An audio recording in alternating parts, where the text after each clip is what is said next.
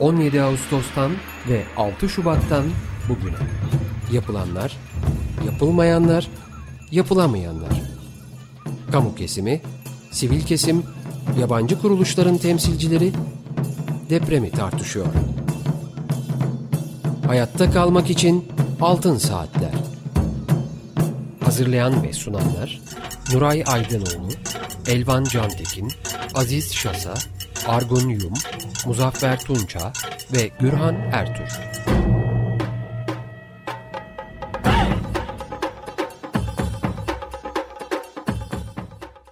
Evet 95.0 Açık Radyo'da Altın Saatler programındayız. Programı Mehmet Nuray Aydınoğlu, Elvan Cantekin ve ben Gürhan Ertür birlikte sunuyoruz. Teknik masada ise Burak Muştu sesimizi sizlere ulaştırıyor. Telefon numaramız alan kodu 212 343 40 40. Elektronik posta adresimiz açıkradyo.com.tr Altın Saatler programlarının ses kayıtlarını Açık Radyo'nun internet adresinde podcast bölümünde dinleyebilirsiniz.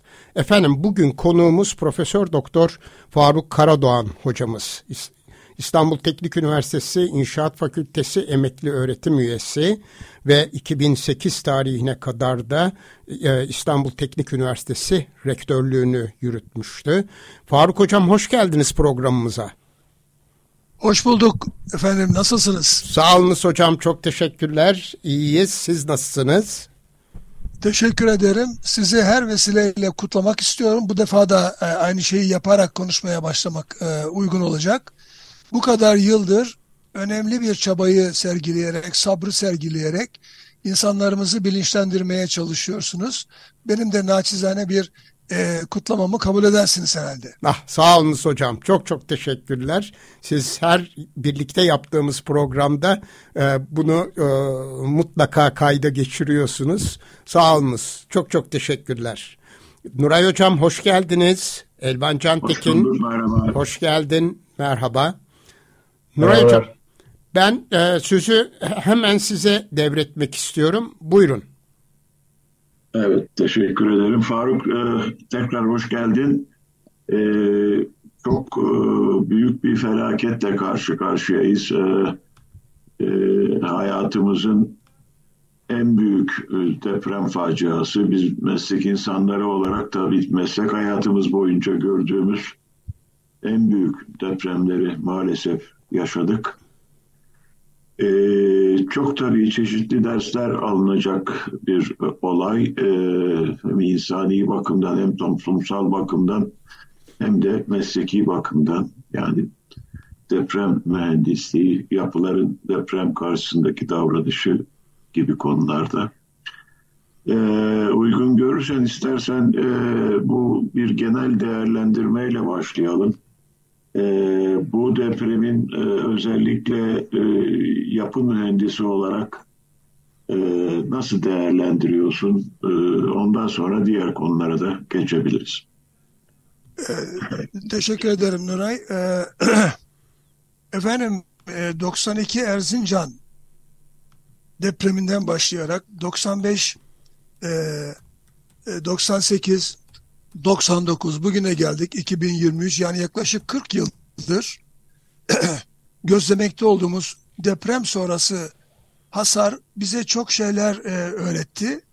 Bizi bir kısmımızı laboratuvarlara, bir kısmımızı teorik olarak masa başlarına çekti ve yeni bazı bulguları e, e, uygulanabilir duruma e, getirmek için çalışmalara yöneltti. Ama bunların başlangıcında bu binaların yani özellikle betonarme e, az katlı binaların sergilemiş oldukları e, e, ortak bazı yapısal özelliklerin değişmediğini görüyoruz. Bu tabi önemli bir gözlem bana göre. E, bunun değişmesini arzu ediyoruz. Fakat ne yazık ki e, şimdi sayacaklarım e, birer gerçektir ve bu gerçeklere göre bazı sonuçlar çıkartacağız bunlardan. Şimdi bu binalarımız e, genellikle yan yana yapılmış binalar. Binaların yan yana yapılmış olması e, özellikle katların aynı seviyede olmaması e, durumlarında birbirine çarparak hasar verme olayını ortaya koyuyor. Bunu bahsettiğim 92'den 2023'e kadar hep gözledik. Kolon ve kirişlerin birleşim bölgelerinin zayıflığı yine 92'den 2023'e kadar gözlendi. Beton kalitesinin düşük olması yine bu gözlemlerimiz içerisinde. Kuvvetli kiriş, zayıf kolon tarzında bir takım binalarla karşı karşıya kaldığımızı ve bunların ortak biçimde bir göçme modu e, sergilediklerini e, gördük. E, pek çok binada kısa kolon problemi dediğimiz e, problemle karşı karşıya kaldığımızı görüyoruz. Donatıların yapışması için, birbirine tutulması için gerekli bindirme boylarının yeterli olmadığını görüyoruz. Etriye sıklıklarının yeteri kadar e, önemsenmediğini görüyoruz vesaire. Bütün bu bulgular bizi e, 92'den bu yana üzmekte olan fakat bazı gerçekleri de e, anlatan bulgular olarak e, önümüzde duruyor.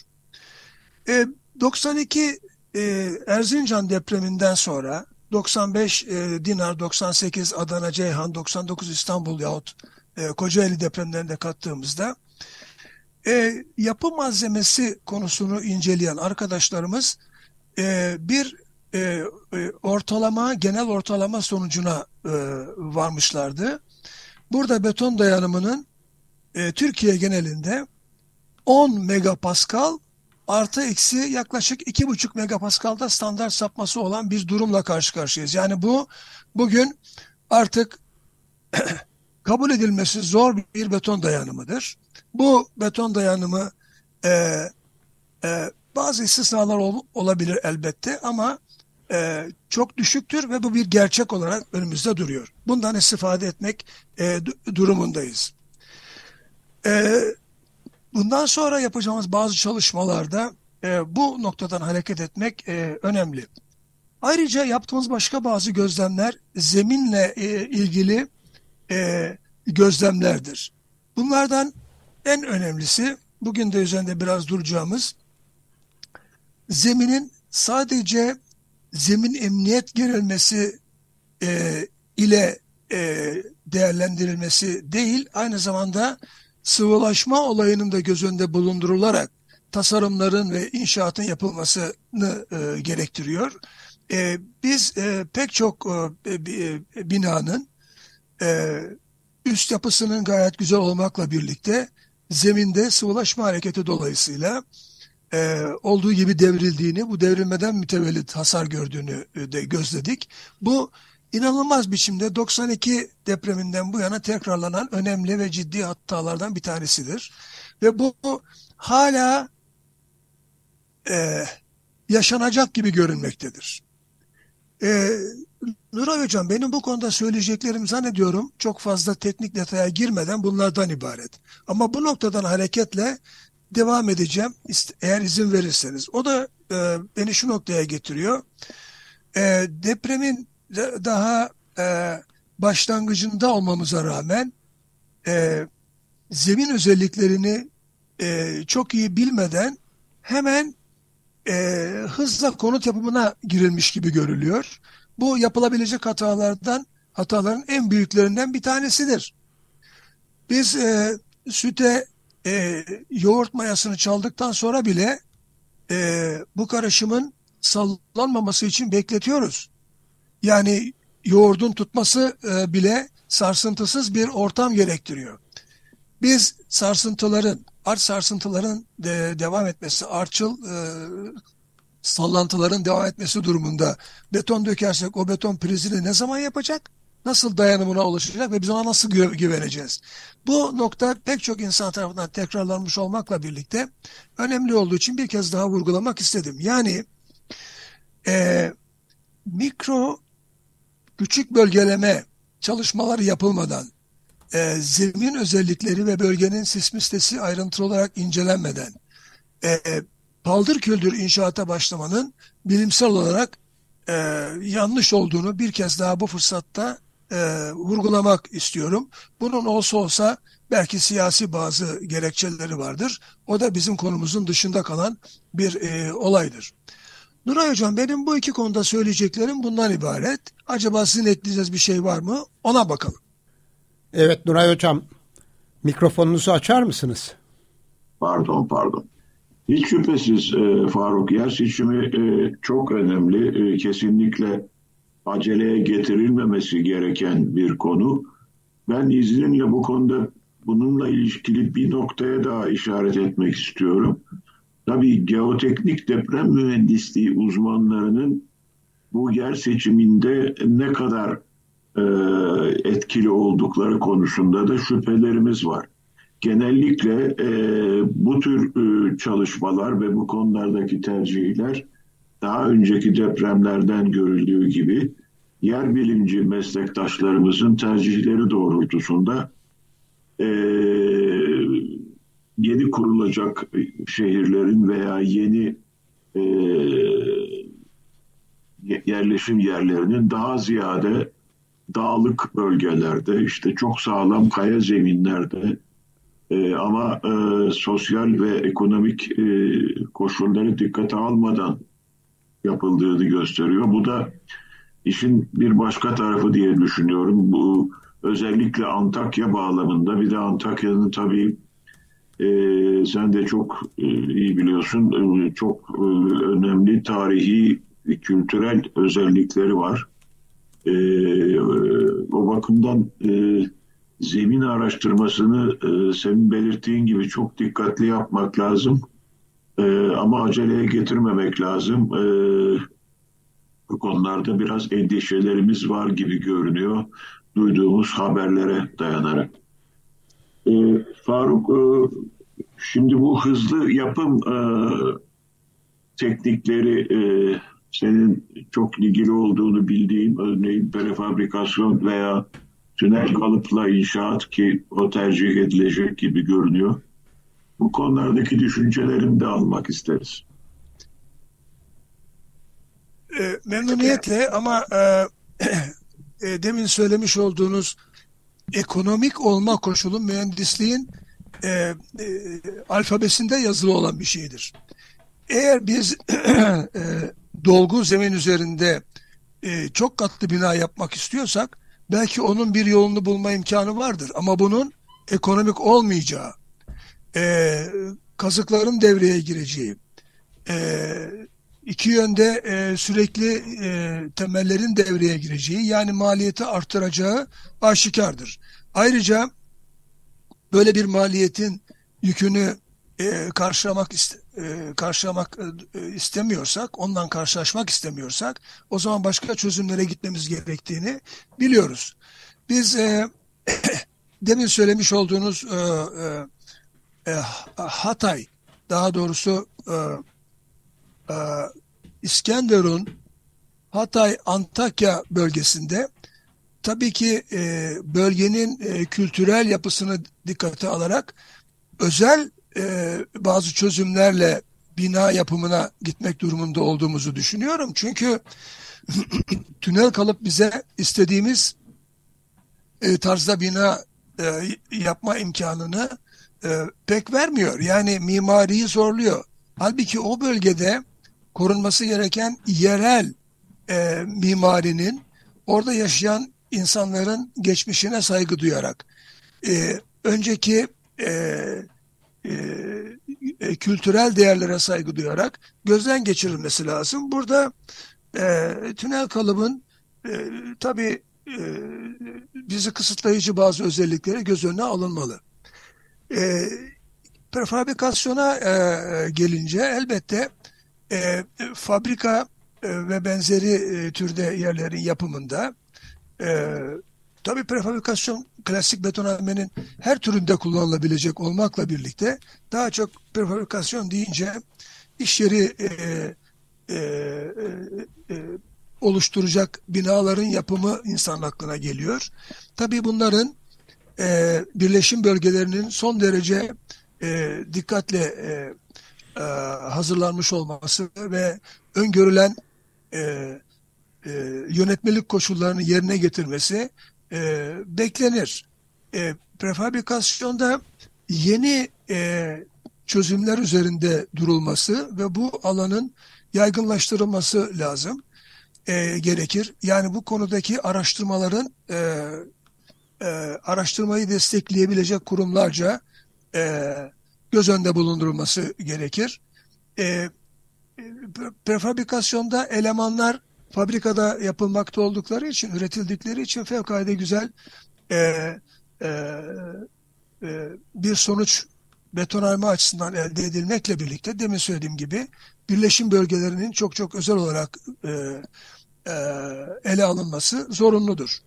Ayrıca hasar görmüş prefabrik yapıların depreme karşı güçlendirilmesi olayında da çok fazla çalışma olduğunu e, e, sanmıyorum. O konuda e, özellikle mühendislerimizin ve bilim adamlarının üzerinde durması gereken bir konudur. Acaba mevcut prefabrik çerçevelerin e, depremde gördükleri hasar nasıl giderilebilir, nasıl e, daha deprem güvenlikli hale getirirler konusu da işlenmelidir. Bunlar hem laboratuvar deneylerini hem e, kuramsal çalışmaları gerektiren e, alanlardır.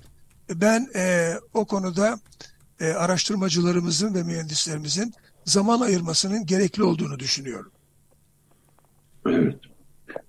E, tabii e, güçlendirmeden söz açmışken şimdi deprem bölgesinde gerçi e, tamamen göçen çok sayıda bina var özellikle Antakya'da. Ama diğer e, kentlerde e, Antakya'da da kısmen olmak üzere e, e, kısmi hasarı yahut orta düzeyde hasar gören pek çok bina da var. Bunların yıkılması, yeniden yapılması veya bunların güçlendirilmesi de tabii bir opsiyon. Ee, güçlendirme konusunda belli deneyimlerimiz var. Ee, özellikle senin belirttiğin 92 depreminden bu yana e, çeşitli e, depremlerde güçlendirme uygulamaları yapıldı. E, bu kez e, bunların ne, ne derece e, geçerli olabileceği, yani daha doğrusu güçlendirilebilecek bina sayısını tam olarak bilemiyoruz ama yine de tahmin ediyorum önemli bir opsiyon olarak düşünülebilir. Bu konuda neler yapılabilir? Ee, yeni inovatif teknikler kullanılabilir mi? Bu konuda neler düşünürsün? Ee, öncelikle güçlendirme olayının etkin bir yöntem olduğunu e, benimsemeyen çok sayıda insanımız var. Yani güçlendirmenin e, halk tabiriyle bir işe yaramayacağını düşünen pek çok insanımız var. Bunun önemli bir yanılgı olduğunu söyleyerek konuşmaya başlamak istiyorum. Çünkü mühendislik ve uygulamalar göstermektedir ki başarılı güçlendirmeleri gerçekleştirmek mümkündür ve bu güçlendirmelerin maliyeti e, genellikle yık yap maliyetinden çok düşüktür. Hatta şunu söylemek belki yerinde olur.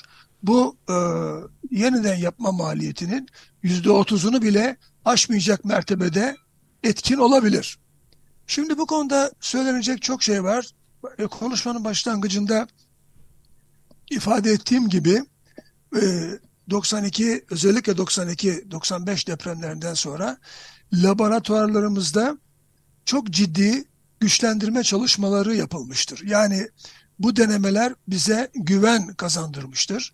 Gerek prefabrik e, kolonlarımız, prefabrik kolonlu sistemlerimizin gerekse e, klasik betonarme e, az katlı yapıların güçlendirilmesi konusunda etkin olacak yöntemler geliştirilmiştir.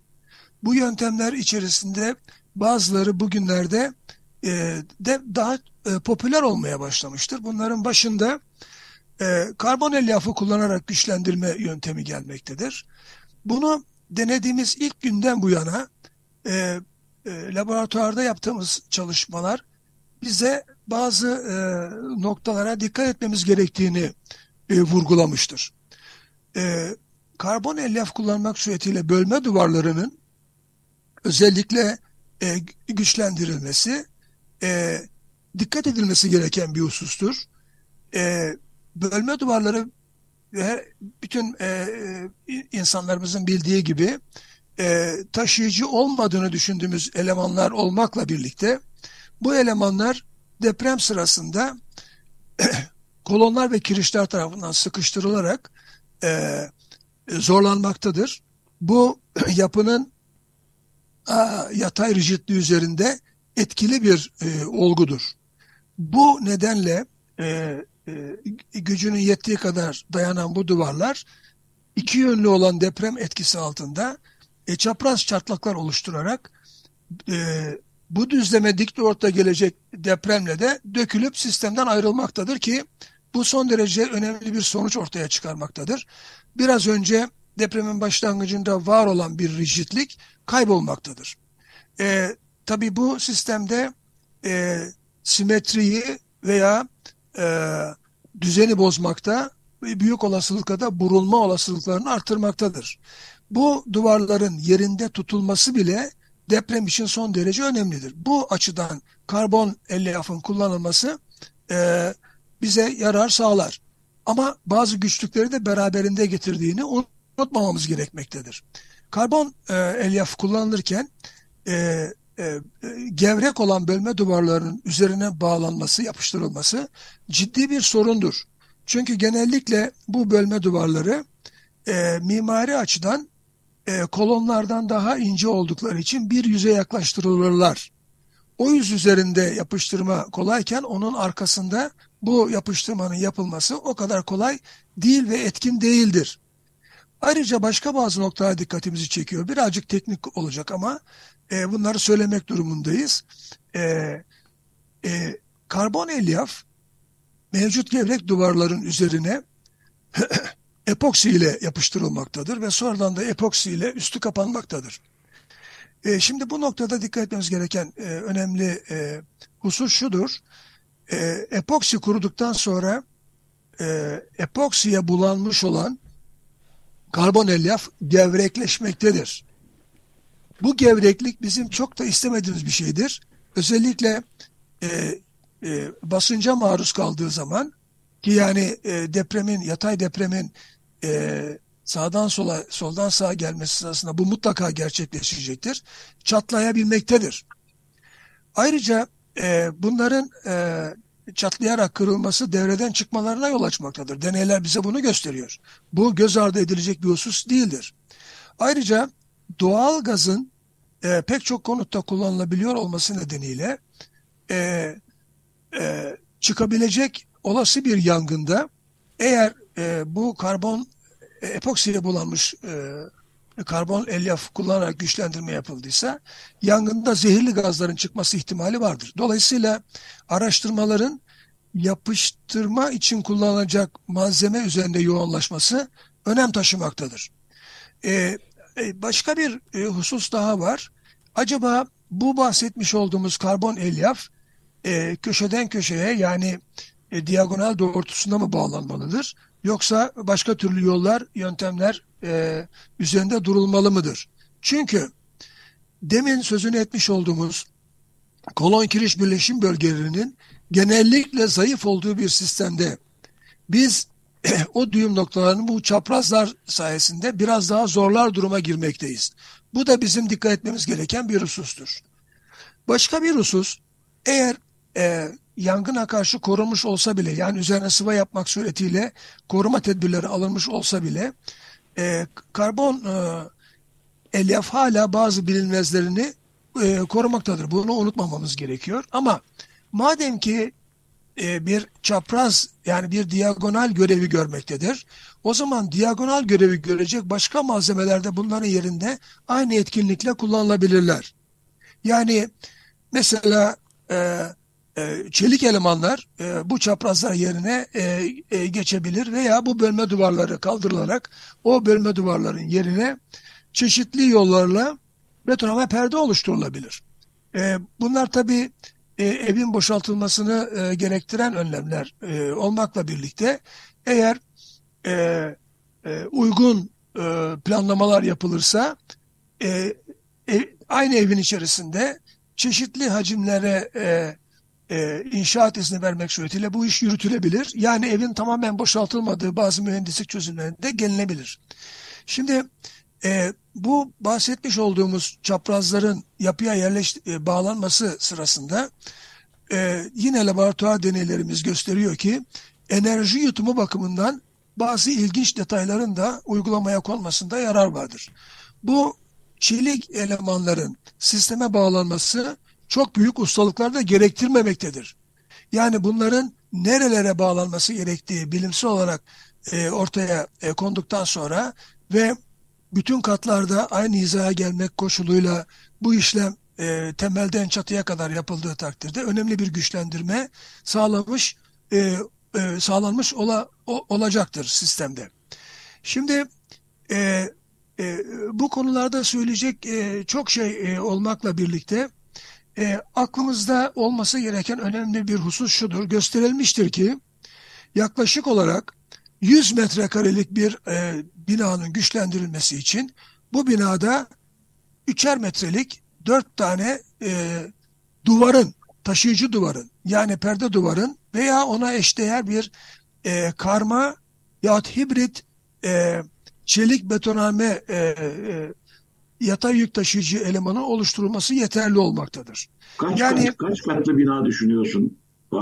100, 100 metrekare için e, gösterilmiştir ki e, kolondan kolona olmak koşuluyla 3 metre boyunda 20 santimlik perde duvarlar bu yapının e, toptan göçmesini kesin olarak ortadan kaldıracak niteliktedir.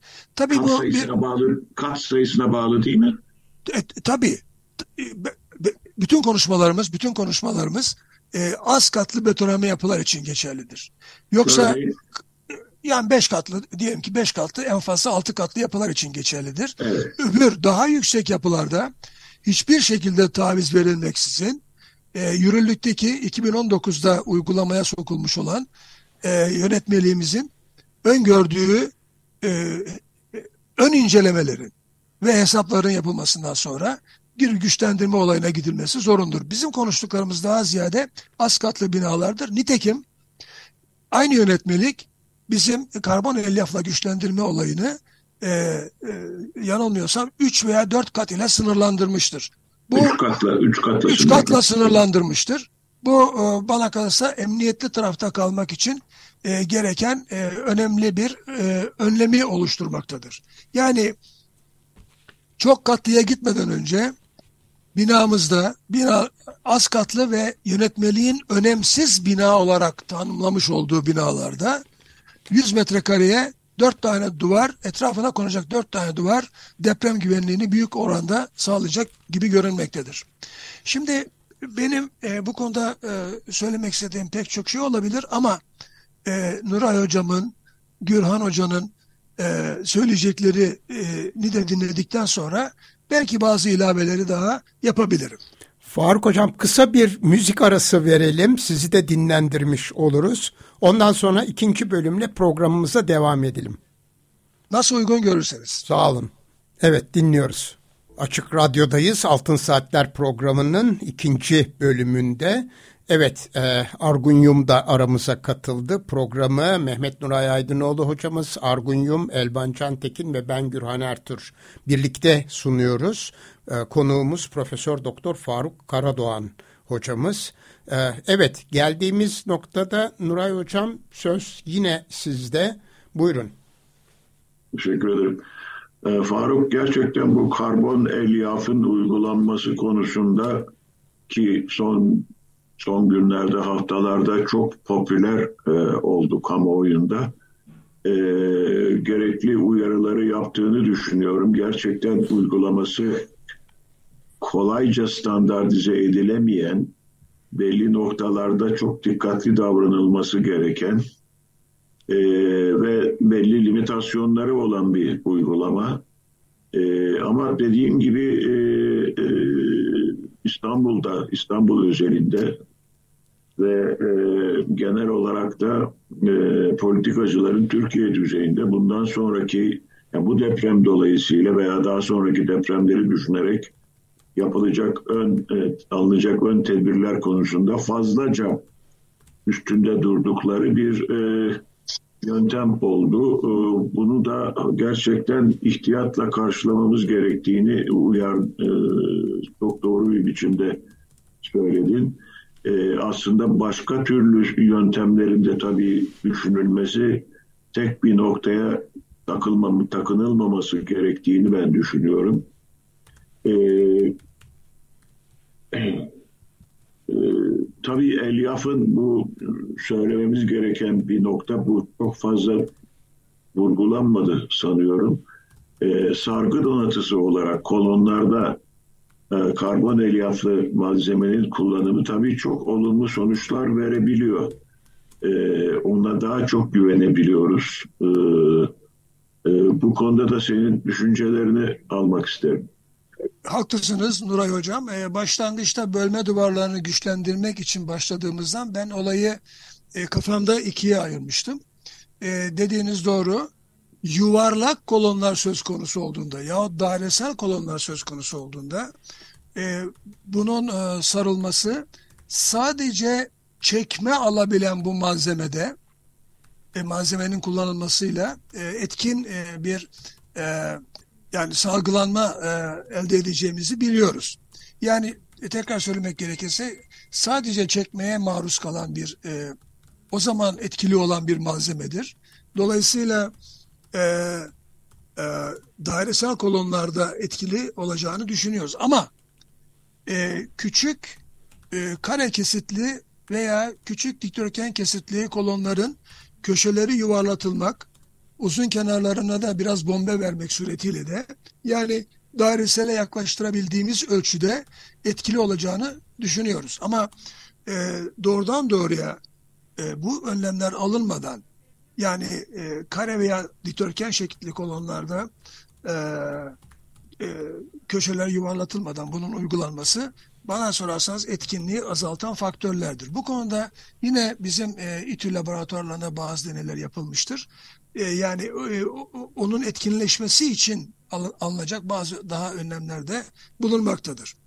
Sargılama e, beton e, davranışını e, son derece olumlu etkileyen e, yani e, basınç dayanımını ve deformasyon e, özelliklerini artıran bir uygulamadır. E, e, e, elyafın çekmeye çalışacağı e, her türlü yerde kullanılabilir. Mesela bacaların sarılması, minarelerin sarılması, kubbelerin çekme bölgelerinin sarılması vesaire gibi yerlerde fevkalade güzel kullanılacak bir malzemedir. Ama dediğim gibi bölme duvarları söz konusu olduğunda yapılan deneylere göre e, demin özetlediğim hususlara dikkat etmek gerekmektedir. Sayın Hocam, e, e, güçlendirme bölme duvarları ve güçlendirme, karbon elyafla güçlendirme söz konusu olduğunda veya karbon elyafa eşdeğer çelik e, elemanlar söz konusu olduğunda mühendis arkadaşlarımıza bir hususu daha e, e, e, açmak istiyorum. E, madem zayıf olduğunu bildiğimiz e, düğüm noktalarımız var, genellikle böyle çıkıyor. O zaman e, ne kirişlerin ortası ne de kolonlara birleştiği kesitler değil ama ikisinin ortasında hem yatay hem de düşey yüklerin daha az etkili olduğu kesitlere çaprazları bağlamak suretiyle önlem almanın çok etkili olacağını e, e düşünüyoruz ve bunu bazı deneysel ve teorik çalışmalarla da göstermiş durumdayız. Yani yapının rezervlerinin bulunduğu kesitleri zorlamak suretiyle e, bu e, güçlendirmeyi yapmamızın e, uygun olduğunu e, düşünmekteyim. Şimdi e, bazı arkadaşlarımız e, e, kolon kiriş birleşim bölgelerinin e, güçlendirilmesi konusunda tereddütler geçirmektedir. Gerçekten de e, oraların güçlendirilmesi yerine şimdi dikkatinizi rica ediyorum. Oraların önemsizleştirilmesi ni sağlayacak çözümlere gidilmesi yerinde olacaktır. Yani e, yapıda yatay yük taşıyıcı sistemi perdelerle değiştirdiğimiz zaman artık çerçeve hareketi beklenmeyeceği için çerçevelerin yatay yük taşıma e, olayına katkısı e, yok mertebesine indirileceği için e, bu noktalar önemsizleştirilebilir. Yani önemli olan yapının çeşitli açılardan önemli olan yapının e, e, perdelerle uygun biçimde güçlendirilmesi e, olayıdır. E, hocam benim bu konuda söyleyeceğim bundan ibaret ama e, insanlarımızın e, mühendis arkadaşları dışarıda tutarak söylüyorum e, bilinçlendirilmesi ve olaylardan ders alması üzerinde mutlaka e, durulmamız gerekiyor.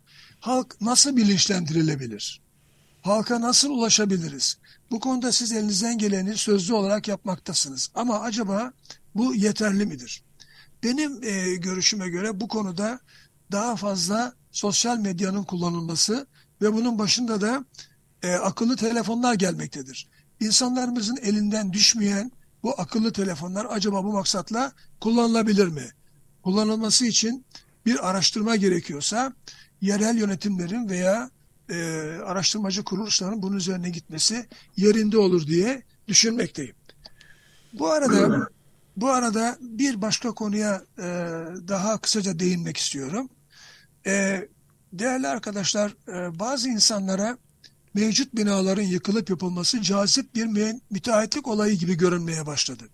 Yani e, e, kentsel dönüşüm e, örneklemesi yapılamadığı için yani şunu kastediyorum e, yerel yönetimler insanların görebileceği kentsel dönüşüm ama bilimsel anlamda tam anlamıyla üzerinde çalışılmış, dikkatle hazırlanmış kentsel dönüşüm örnekleri oluşturmadıkları için ve olay e, rantsal dönüşüme e, ge, geldiği için e, başka bir e, e, nokta dikkati çekiyor. O da e, bu rantsal değişimden pay almak isteyen e, biraz da e, kolay para kazanmış olan insanlarımızın oturdukları veya ilgilendikleri binaların yıkılması yönünde bir tercihe insanları zorlamaları ve onların da bundan istifade ederek müteahhitlik e, müessesesine, müteahhitlik kurumuna geçmeleri e, beklenmektedir. Aşağı yukarı her binada buna benzer insanlar çıkmaktadır. Yani kolay bir para kazanma yolu haline gelmeden güçlendirme veya yıkıp yapma olaylarında bir müteahhitlik kurumunun saygınlaştırılması olayı vardır. Bugün müteahhitlik kurumu e, saygın müteahhitlerimizi bir kenarda tutarak söylüyorum. Yozlaştırılmış durumdadır. Almanya'dakinin 150 katı müteahhitin bulunmuş olduğu bir ülkede yaşamaktayız. Dolayısıyla ne yapıp ne edip e, müteahhitlerin e, e, daha saygın iş adamları haline gelmesini sağlamamız ve ulu orta insanların bu e, kadroya, bu kervana e, katılmalarını önlememiz gerekmektedir. Evet çok haklısın. Ee, Faruk biraz önce belirttiğin e, betonarme perde e, eklenmesi, sistemlere betonarme perde eklenmesi konusunda aslında Türkiye olarak oldukça yeterli diyebileceğimiz deneyimimiz de var. E, hatırlarsan 92 Erzincan depreminden bu yana e, bu konu e, hem e, laboratuvarlarda incelendi teorik olarak incelendi. Artı uygulamalar da hemen hemen ondan sonra yapılan bütün depremlerde çeşitli yoğunluklarda gerçekleştirildi.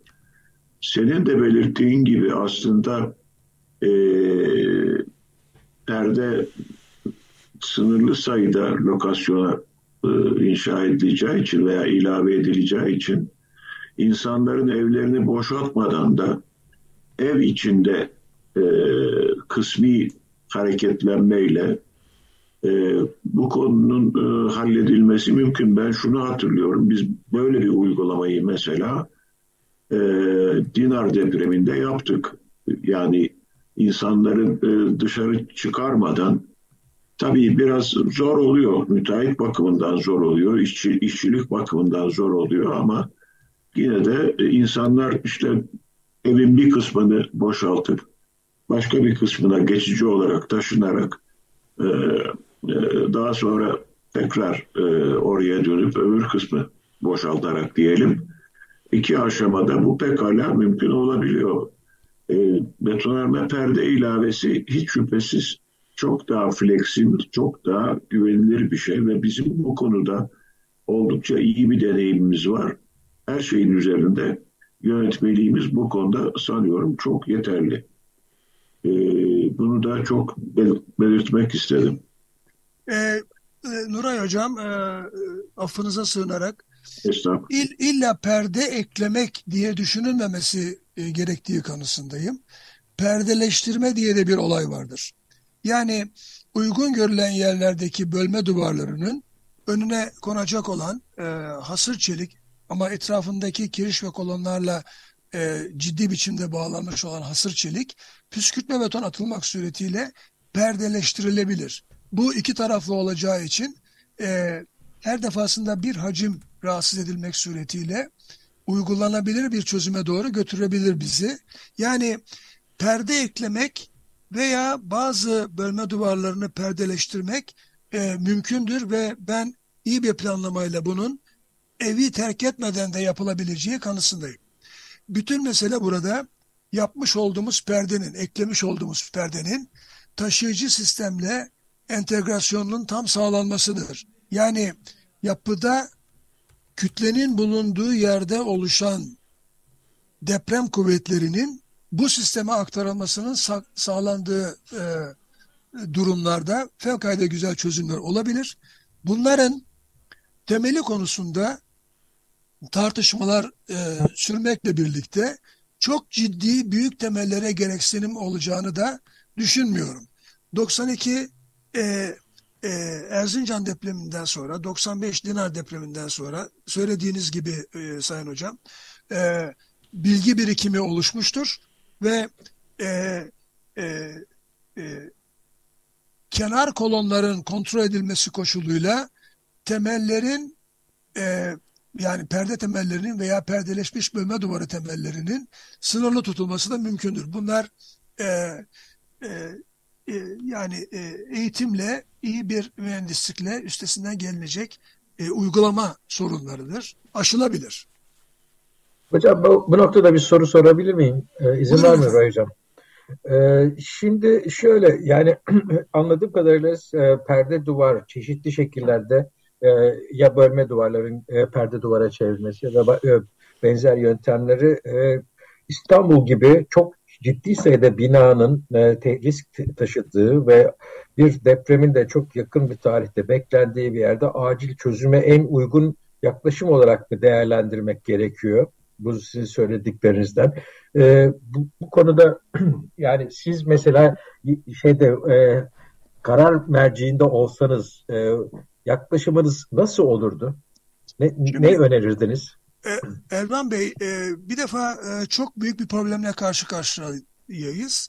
Büyük problemlerin çözümünde problem parçalara bölünür. E, yap, yönetmenimizin öngörmüş olduğu önemli yapılar diye sınıflandırmış olduğu hastaneydi, okuldu, itfaiyeydi vesaire yapıların e, altyapı sistemleri bunların e, onarım ve güçlendirilmesi tamamen merkezi yönetimin veya yerel yönetimin e, e, sorumluluğu altındadır. Bunları bir kenara e, bırakıyorum. E, onun dışında kalmış olan e, çok sayıda binamız var ama onlara geçmeden önce şunu da söylemek istiyorum. Mesela bir devlet dairesi güçlendirildi diyelim. Eğer devlet dairesinde çalışacak memurlar veya bir itfaiye binası güçlendirildi diyelim.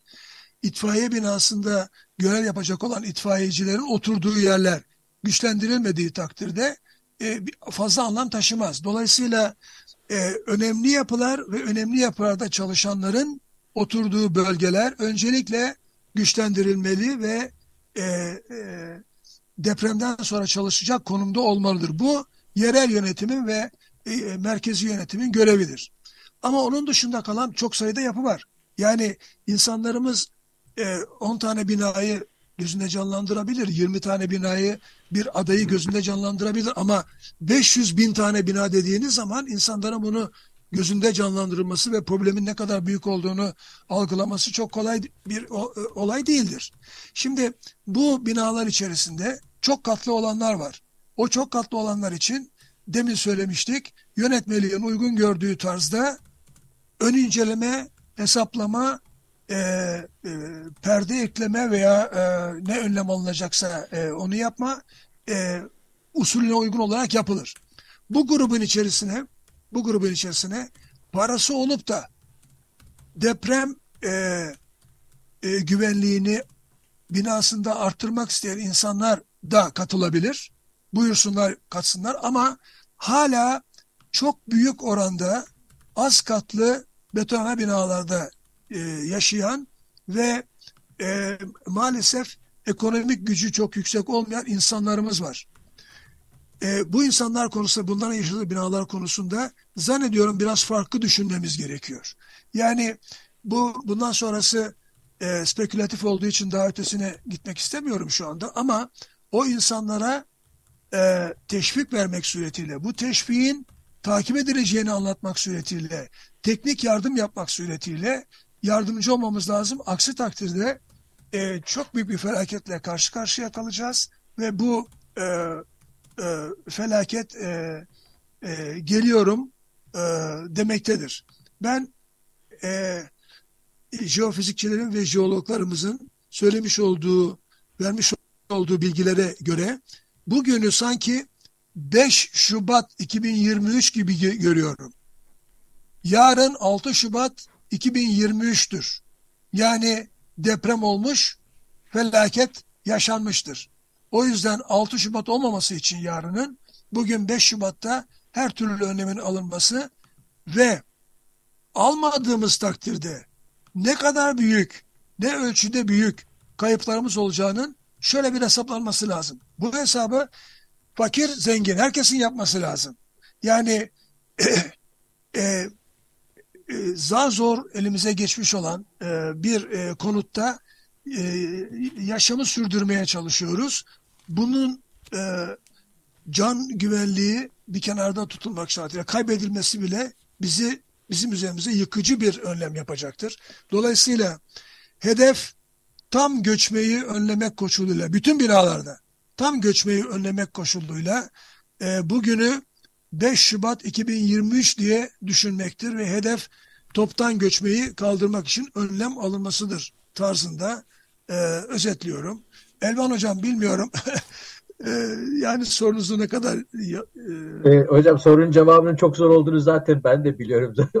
sorarken evet, evet. hani ben de zorlandım ama şimdi e, şöyle bir durum var. Yani karşımızda bir e, yönetim var. E, İstanbul Büyükşehir Belediyesi ve de merkezi hükümet ve e, biliniyor ki İstanbul'daki riskler çok yüksek ve çok e, yakın bir tarihte de bu risklerin hayata geçme gibi bir şey ihtimali e, var. Oldukça da yüksek bir ihtimal bu.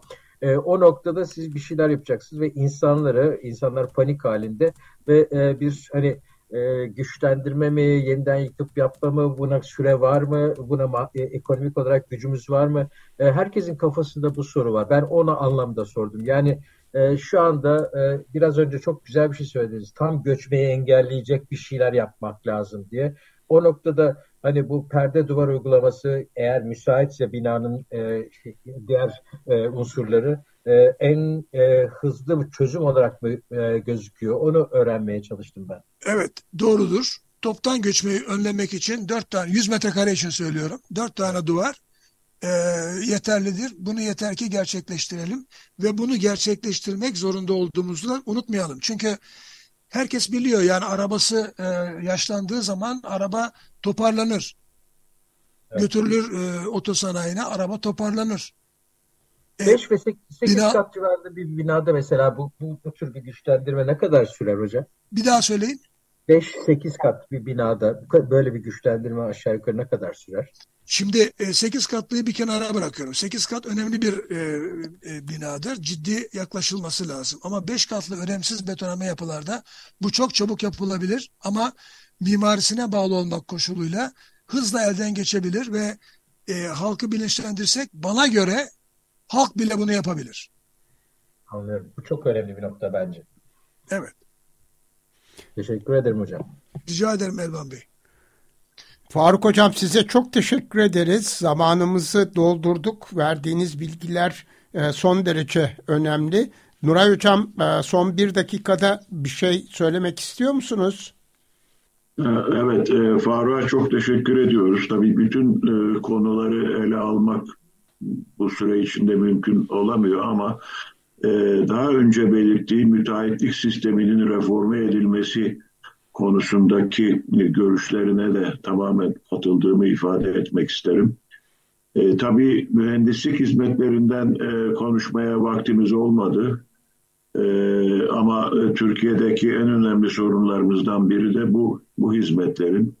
E, tabii bu bu hiz, mühendislik hizmetleri bağlamında özellikle e, yapı denetiminin, proje ve yapı denetiminin e, bu sistemlerin de reforme edilmesi konusunda e, herhalde hemfikiriz. E, artık bu konularda e, umarım bu acı deneyim bizi hareket etmeye e, neden olacaktır diye umuyorum. Çok teşekkür ediyorum Faruk Hoca'ya. Benim e, söyleyeceğim bir tek cümle var efendim e, sonuç olarak. Buyurun hocam. Halk, halk insanlarımız çözümün parçası haline getirilmelidir. Bunun stratejileri belirtilmelidir ve mutlaka onların katkısı sağlanmalıdır. Aksi takdirde ne yerel yönetim ne de merkezi yönetim bu problemin e, üstesinden gelemez. Üstelik de ülkenin geleceği konusundan son derece e, endişeliyim. Eğer böyle bir İstanbul depremi, e, Marmara depremi oluşursa e, vay halimize. Evet hocam çok çok teşekkürler sağ olun. Bugün e, Altın Saatler programında konuğumuz Profesör Doktor Faruk Karadoğan hocamız idi. E, bugün yine saat 18'de bir özel yayınımız olacak. Yıldız Önem ve Taha Elgazi ile Hatay ve İslahiye'de Suriyeli ailelerle görüştüler. İzlenimlerini alacağız. Evet 18'de tekrar görüşmek dileğiyle. Hoşçakalın. Hoşçakalın. Hoşçakalın. Teşekkür ederim.